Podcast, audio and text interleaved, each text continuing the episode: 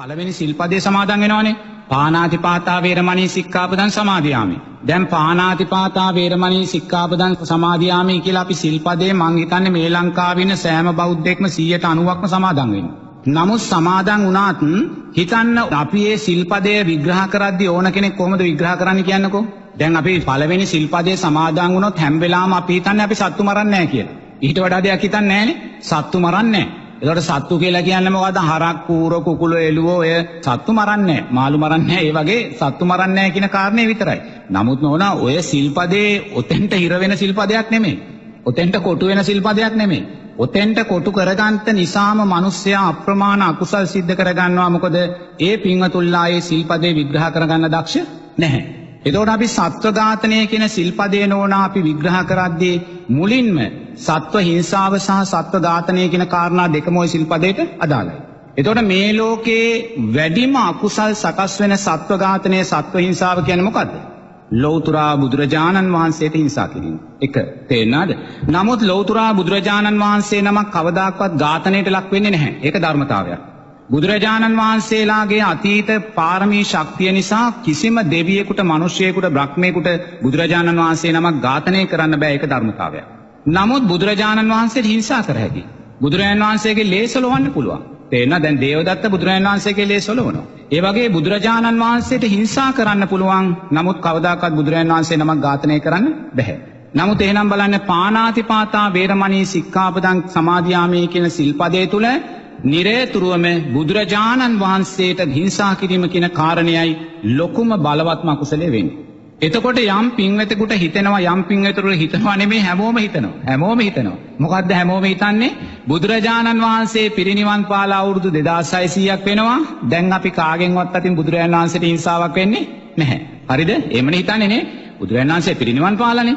දැන් පුද්ගලයෙක් ඉන්නවා එයා හිත මැරෙනවා. මැරුණාට පස්සේ එයාට හිංසා කළායි කියන කාරණේ අදාළ වෙනවද?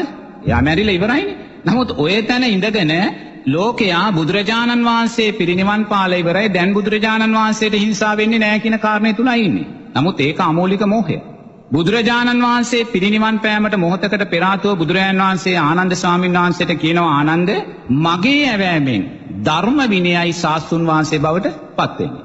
මගේ ඇවෑමෙන් ධර්ම විනයයි ශාස්තුන් වහන්සේ බවට පත්වෙන්නේ. එනම් ශාස්තුන් වහන්සේ ජීවමානව ඉන්නවා.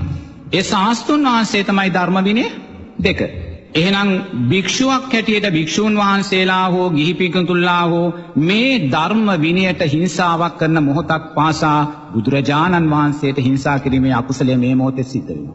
මේ මොහොතේ සිද්ධ වෙනවා. ධර්මයට පටහැනිව කටයුතු කරනවා. භික්ෂූන් වහන්සේ නමක් හැටියට ධර්ම විනය විරෝධීව අපි කටයුතු කරනවා නම් ඒ කටයුතු කරන මොහොතක් පාසා උන්වහන්සේ බුදුරජාන් වහන්සේට හිංසා කළා වෙනවා. ඇයි ජීවමාන බුදුරජාන් වහන්සේ ධර්ම විනය කියලා බුදුරජාන් වහන්සේ කියනවා. එහෙනම් බුදුරජාන් වහන්සේ පිරිනිවී ගිහිලා නැහැ බුදුරජාන් වහන්සේගේ ධර්ම විනය ශාස්ත්‍රුන් වහන්සේ ජීවමානව ඉන්නවා. බුදුරජාන් වහන්සේ පිරිනිවී ගිය ඇත්ත. නමුත් පිරිනිවන් පාන ඉස්සෙල්ලා බුදුරජාන් වහන්සේ මේ ධර්මය අපිට දේශනා කරනවා. බුදුරජාණන් වහන්සේ කියනවනම් මම පිරිනිවන් පාන බව ඇත්ත. නමුත් අදින් පස්සේ ශාස්ත්‍රුන් වහන්සේ ධර්ම විනය කියනවා. එහෙනම් තාම ජීවමාන ශාස්ත්‍රුන් වහන්සේ ඉන්නවා. එතකොට ජීවමාන ශාස්ත්‍රුන් වහන්සේට ධර්ම විනයට අපි අගෞරවයක් කරන මොහොතක් පාසා ජීවමාන බුදුරජාණන් වහන්සේට අපි හිංසා කරන්නේ. එදා මාගන්දියා හිංසා කලා වගේ චිංචිමානිකාව හිංසා කලා වගේ අර රූපමල්ලිකා හිංසා කලා වගේ මේ මොහොතේ බුදුරජාණන් වහන්සේට හිංසා කරන පින්වතුන් අප්‍රමාණ ඉන්නවා. නමුත් ඒගොල්ලෝ දන්නේ නැහැ තමන් හිංසා කරන්නේ ධර්ම විනයටයි ජීවමාන බුදුරයන් වහන්සේටයි කියලා දන්නේ නැහැ. භික්ෂුන් වහන්සේලා හැටිය අපි ධර්ම විනය දුර්වල කරගන්න මොහොතක් පාසා අපි නොදැනුවත්ම බුදුරයන් වහන්සේ හිංසා කරපු දරුවෙක් බවටයි පත් වෙන්නේ. ශ්‍රාවකෙක් බවටයි පත් වෙන්නේ. ගිහි පින්වතුන්ලා හැටියට ධර්ම විනයට විවේචනය කරන මොහොතක් පාසා ධර්ම විනයට බාහිරව අර්ථ දක්වන මොහොතක් පාසා ජීවමාන බුදුරජාණන් වහන්සේ ශාස්ත්‍රුන් වහන්සේට හිංසා කිරීමේ අකුසලයේ ඒගොල්ලෝ කරගන්නවා. අද බලන්න කොච්චර සූත්‍රගත ධර්මයන් විකෘති කරනවාද කියලා. කොයිසා බුදුරජාණන් වහන්සේගේ සූත්‍රගත ධර්මයන් විකෘති කරනවා. දැන් ප්‍රබල මතයක් තියෙනවා අභිධර්මයේ ඉගෙන ගැනීමෙන් තොරව කවදාකවත් නිවන් දකින්න බැහැ කියලා. මේවා ධර්මයක දශමයකටවත් අපිට සසඳලා කියන්න පුළුවන් වචන නෙමෙයි. සමහරු කියනවා මාළු කෑල්ලක් වැළඳුවොත් යන අපායේ නමත් අපිට ඇහෙනවා. නේද? එතකොට බුදුරජාණන් වහන්සේගේ උපත බුද්ධත්වයේ පිරිනිවීම සිදු වුණ ස්ථාන පිළිබඳ ගොඩාක් වැරදි මත ප්‍රචාරය වෙනවා. සූත්‍රගත අත්‍යයන්ට බහිරු. මේ සෑම ක්‍රියාවක්ම ධර්ම විනයට හිංසා කිරීමක් ධර්ම විනයට හිංසා කිරීම කියන්නේ නෝනා ජීවමාන ශාස්ත්‍රුන් වහන්සේට හිංසා කරනවා.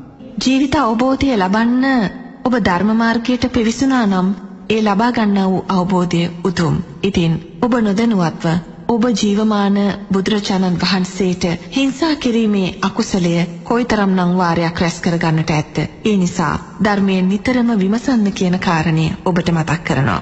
ගෞරවනීය ස්වාමින් වහන්සේ දැන් ඔබ වහන්සේ අපිට පැහැදිලි කරන ආකාරයට ධර්මීය විවේචනය කිරීම දැඩි අකුසලයක් නේද? මේ නෝනා ඇත්ත වශයෙන්ම අපිට ගලෝතුරා බුදුරජාණන් වහන්සේ දේශනා කරපු සූත්‍රගත ධර්මය ඒ විනය ධර්මයන් අභිධර්මයන් කියන කාරණා අපි විවේචනය කරන්න ඒවා වැරදි අර්ථකථනය දෙනකොට අපිට ලොකු සැපයක් දැනෙනවා ඒක ආස්වාදයක්. ඒ ආස්වාදය කියන්නේ ධර්මයේ සක්කායදිට්ඨිය කියන කාරණේ. නමුත් ඒ ආස්වාදයන් නිසා අපි බුදුරජාණන් වහන්සේ දේශනා කරපු සූත්‍ර ධර්මයන් විකෘති කරලා සමාජගත කරන මොහොතක් පාසා ජීවමාන ශාස්ත්‍රුන් වහන්සේට හිංසා කිරීමේ බලවත් අකුසලයේ අපිට තින් සිද්ධ වෙනවා. ඒක හොඳට තේරුම් ගන්න ඕනේ. ඒ වගේම නිරේතුරුවම දක්ෂ වෙන්න යම් කෙනෙක් ලෞතුරා බුදුරජාණන් වහන්සේගේ අපි කියන පිළිම වහන්සේලා තියෙනවනේ නේද?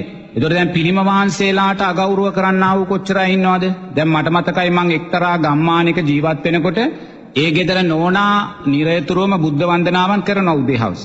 නමුත් ඒ නෝනාගේ මහත්තයා හැමදාම බීමත්වයි ගෙදර එන්නේ. එයා ඒකට කැමති? දවසක් කොහොම හරි මේ නෝනා වන්දනා කර කර හවස ඉන්නකොට බීමතින් මහත්තයා ගෙදර ආවා. ගෙදර ඇවිල්ලා කතා කළා නෝන කතා කරන්නේ නැහැ නෝන බුද්ධ වන්දනාව කරනවා ඒ ගැන හිතුවෙත් නැහැ මේ මහත්තයා මොකද කළේ? ඒ වචන වලින් මම ඒ වචන කියන්නේ නැහැ. තරපරුස වචන වලින් කියලා තියෙන්නේ. ඒ වචන අපිට කියන්න බෑ ඒක මම සාමාන්‍ය කෙනා ඔයාට කන්න දෙන්නේ මමයි. නමුත් ඔබ මේ වන්දනා කරන්නේ කාට හරි? තේරෙනවද?